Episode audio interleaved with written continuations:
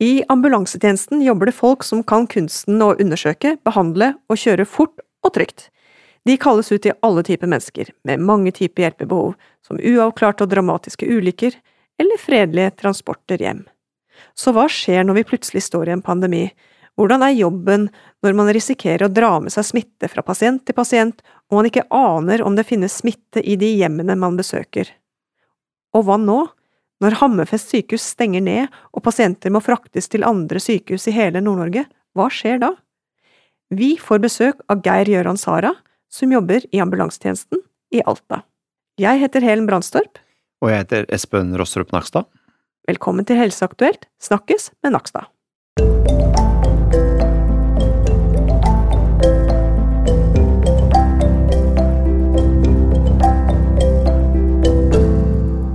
Du, Espen, vi møtte hverandre første gang på en konferanse om akuttmedisin. Ja, tror det stemmer. Mm -hmm. Ja, jeg tror jeg husker det bedre enn deg. Eh, men, og det var i Trondheim. Mm. Vi snakka om forskning. Eh, hvilket forhold har du til akuttmedisin? Du, jeg har jobbet uh, ja, nesten 15 år på en akuttmedisinsk avdeling, men da for en inhospital akuttmedisinsk avdeling. Som både driver med akuttpasienter som kommer gjennom mottak, og medisinsk intensivbehandling. behandling. og det er på Ullevål sykehus, da, den store akuttmedisinske avdelingen der. Men når det gjelder prehospitalet, så har jeg jo eh, faktisk jobbet i nesten ti år jobbet jo ute i distrikt som legevaktslege. I samarbeid med ambulansetjenesten. Jobbet aldri i selve ambulansetjenesten, men jeg har jobbet tett på dem. Var ute på mange oppdrag eh, sammen med ambulansefolk. Og så har jeg jo da, i den jobben jeg har hatt nå, eller hadde siden 2014, også bygd opp dette nasjonale medisinske utrykningsteamet for høyrisikosmitte, som er eh, hvor det er altså et førtitalls eh, ambulansefolk og luftambulansefolk, både leger og sykepleiere og paramedics, på kontrakt, eh, som kan drive høyrisikosmittetransport eh, eh, i hele Norge, i prinsippet. Så, så jeg kjenner det prehospitale miljøet godt, eh, og jeg kjenner det akuttmedisinske miljøet godt, og, men jeg har aldri jobbet selv i det prehospitale. Det har jeg aldri gjort. Mm. Du kan mye rart, det må jeg si. Det, mye rart, ja da. ja, mye rart, ja. Mm. Uh, en som også kan mye rart, syns jeg, og som jeg har jobbet mye med i Nord-Norge, det er altså Geir Gjøran Sara. Han er både ambulansepersonell, men også fagrådsmedlem i prehospital avdeling. Og der hvor jeg har møtt han, da, primus motor for teamtrening. Tverrfaglig teamtrening. Du, Geir Gjøran. Altså, nå skal jeg først spørre deg. Du er jo ambulansepersonell, eh, og når pandemien kom til landet, hvordan var det? Hva skjedde da? Kan ikke du fortelle litt fra din eh, hverdag i Alta? Ja, hei. Det var jo, alle var jo eh, usikre og kjente på den, den frykten som resten av befolkninga i, i, Norge kjente på.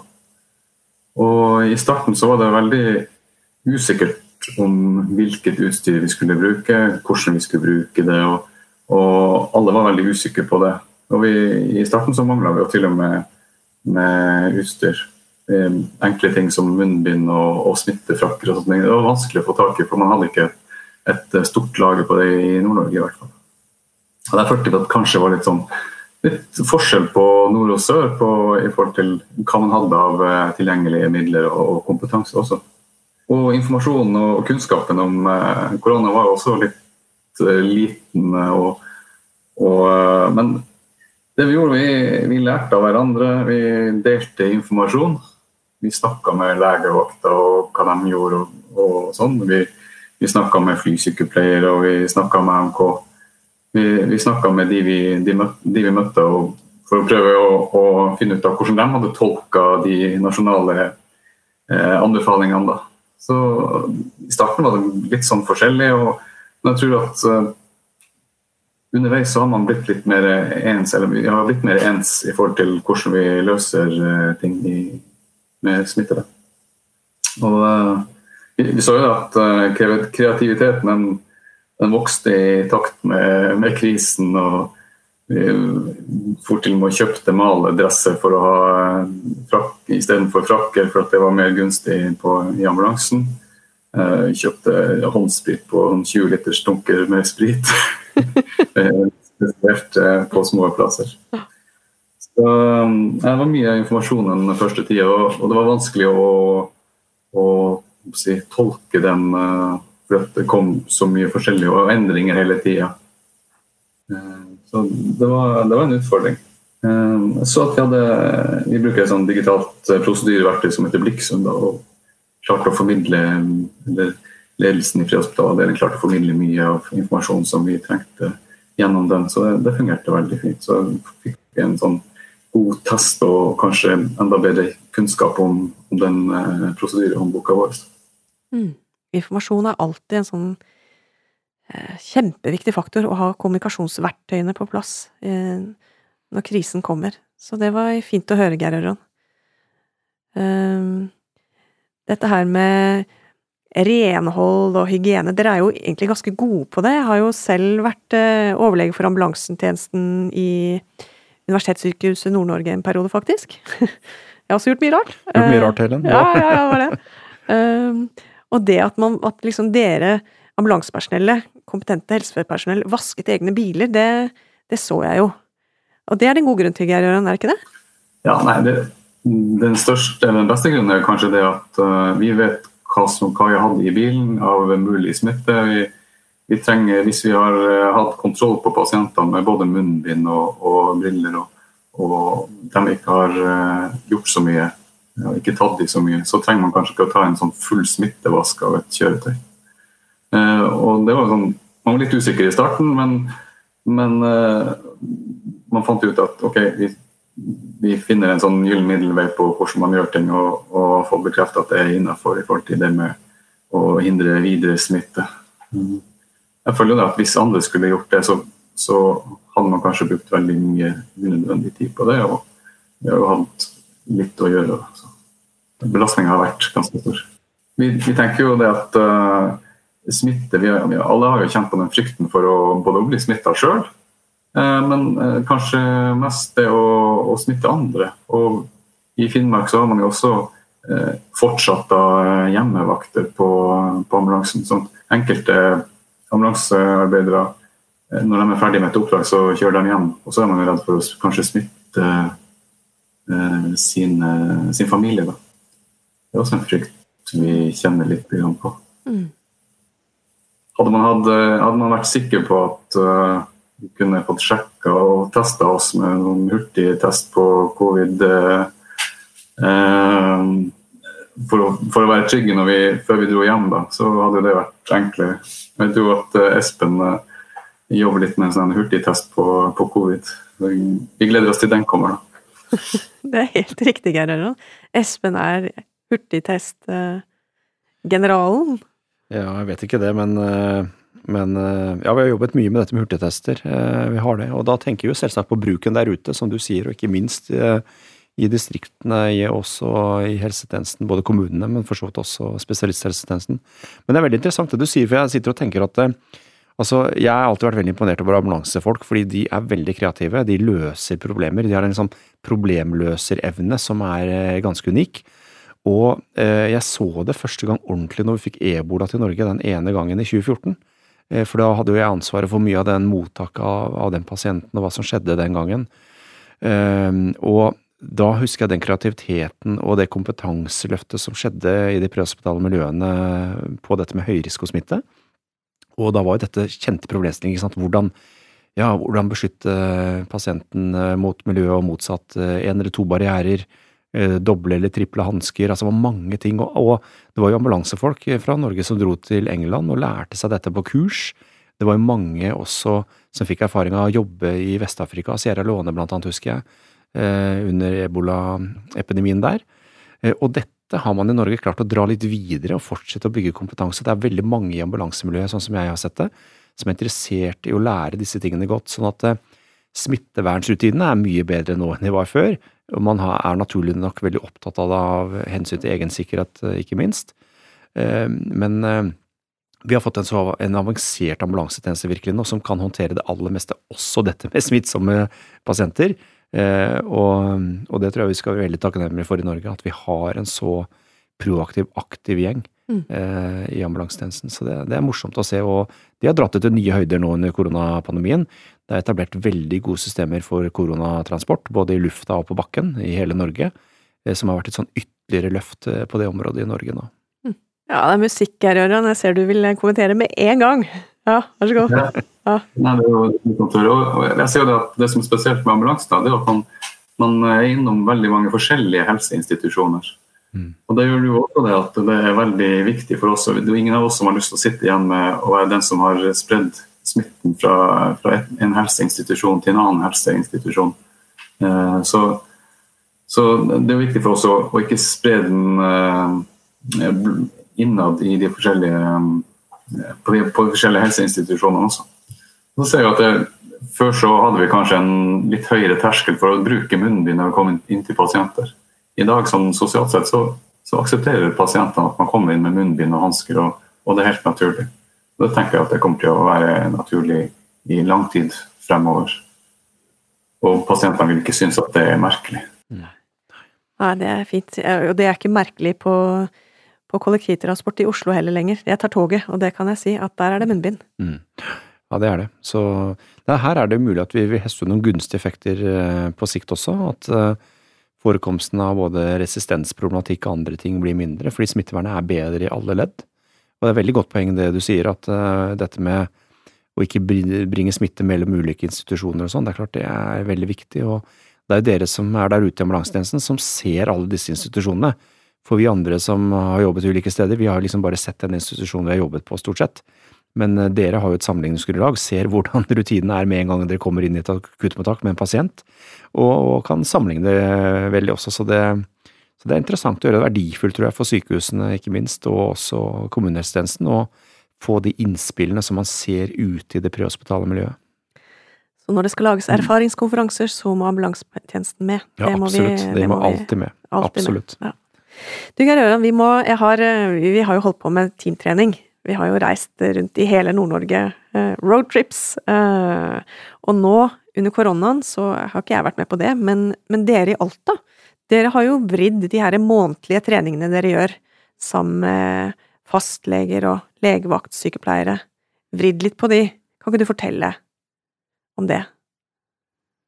Ja, um, altså det vi gjør da i, Alta, vi, da samles vi um, en gang i måneden, som du sier. og vi da har vi to representanter fra fastlegene. De har eh, en sånn, sånn eh, fagdag som eh, kommunen har gitt dem fri til.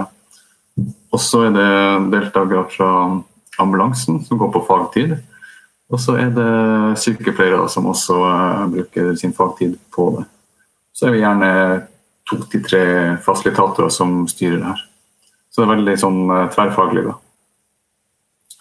Og vi prøver Når vi møtes, da, så snakker vi kanskje litt og demonstrerer på hvordan man skal ta på seg smittevernutstyr, og, men kanskje helst hvordan man skal ta det av seg. da, Og ta vare på det for å kunne bruke det ved flere eh, tilfeller. Så det, det, er også noe vi må tenke på, fordi vi har litt knapphet i, i, på enkelte ting. Og Vi prøver å gjøre det har et sånt scenario, så prøver vi å gjøre det som mest eh, realistisk som mulig. Da. Vi spiller egne roller. altså En, en lege, en lege, ambulansesjåfør ja, en ambulansesjåfør. Og vi har uh, gjerne scenarioer som vi kanskje har opplevd sjøl. At det er egenopplevde ting som vi prøver å spille inn. Det kan være trafikkulykke ute, det kan være en uh, dårlig syk uh, pasient hjemme. da. Så passer vi på at vi bruker den tida som vi bruker. at at um, de som eh, øver, de må gjøre ordentlige undersøkelser før de får svar på f.eks. verdier og, og sånn. Så har vi valgt å bruke markører, levende markører istedenfor eh, dukker når vi trener. For vi, vi, føler i hvert fall at vi får eh, bedre kommunikasjon med, med pasienten, da, naturlig nok. Mm. Og for oss er det viktig å gjøre det lokalt. At vi har en sånn, det, det som kalles da in situ-simulering. Det som er Fordelen med en in situ-simulering er at vi veldig ofte avdekker feil og mangler med både utstyr og, og prosedyrer også. At vi har kanskje laga en prosedyre, eh, laga et oppsett på en ting, så ser vi at nei, det funker faktisk ikke i, i praksis. Så vi må gå inn og endre det. da. Jeg må si at eh, det minner meg på at eh, etter øvelser og sånn, som ambulansetjenesten er med på, så er det jo også litt imponerende å se hvor systematisk man er i evalueringsarbeid og prosedyrearbeid.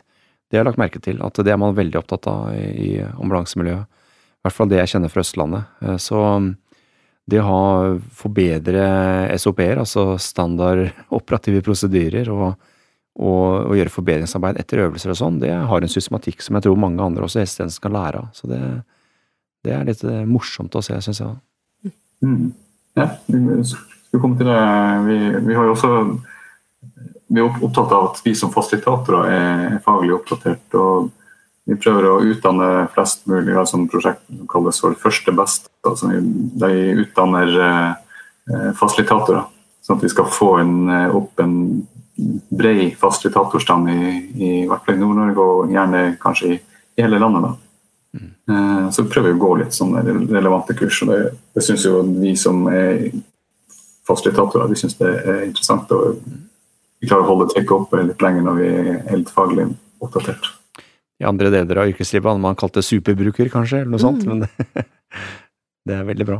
Mm. Og jeg syns det er spennende når du snakker, Geir Jørgen, og, og, du og Espen. Altså det, det, dere forteller om, er at eh, det trenes, og det læres, og det systematiseres. Altså læringen systematiseres av folk i tjenesten. Mm. Det er ikke eksterne konsulenter, det har man jo ikke råd til. Men kanskje også er det Henger ting godt sammen, da. Eh, når, for sånn er det jo i Alta, ikke sant, Geir Jøran. Du er jo ambulansepersonell og fasilitator. Og det samme vet jeg er på fastlegesiden og på sykepleiersiden. Liksom, så ting henger sammen. Og jeg vet også at casene dere bruker, er ofte, eh, om ikke helt virkelig, så i hvert fall inspirert av virkeligheten, lokalt. Eh, og når man har liksom debrifen, så er det jeg Kan ikke du fortelle om debrifen, for liksom, det er kjempelærerikt når folk debrifer og snakker. Nei, Vi har en, en sånn det vi kaller en styrt debrief, der fasilitatoren kanskje styrer innholdet, eller i hvert fall Eh, gangen i det. da. Og Da er det jo viktig for oss å skape en trygge rammer for den debrifen. At folk føler seg trygge og de føler at de kan åpne seg og, og snakke fritt både til, eh, om seg sjøl og sine opplevelser, men også eh, gi de andre tilbakemelding på både godt og vondt. Så eh, alle får snakke litt. Alle får delt litt. Og vi, føler at det er en fin måte å, å gjøre det på. Mm. Og så er jo metodikken som dere bruker, best-metodikken som det heter. Det er liksom et scenario, en debrief, og så en sjanse til. Et nytt scenario og en ny mm. debrief. Men jeg tror vi skal gå litt videre her, for jeg har litt, litt lyst til å touche innom det som er veldig spesielt i nord nå, og i Finnmark, hvor du bor, og hvor, hvor jeg også har bakgrunn som fastlege, da, så vi kjenner jo fylket. Hammerfest sykehus har praktisk talt stengt ned. Altså, det vil si, de tar ikke inn nye pasienter. De håndterer litt akutt, men eh, det kom smitte inn, Eh, og de måtte gå til drastiske tiltak på sykehuset. Eh, ikke sant? Eh, og tre fly er hyrt inn av Helse Nord for å håndtere dette, så, så pasientstrømmen har blitt snudd fra ambulansebil, lange strekninger over fjell og med fare for uvær og kolonne, til fly. Kan ikke du si litt om det? Du er på en måte midt i det, Geir Ran.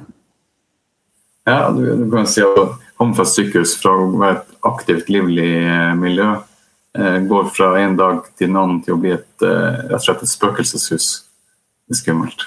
Mm. Det, det måte konsekvenser. Vi ser jo det at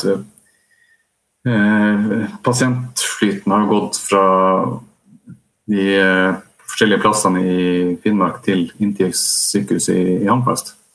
Mens nå så går det som du sier, med fly og Men det går også med biler, da på de transportene som eh, Det er de pasientene eh, som skal ha det. Da.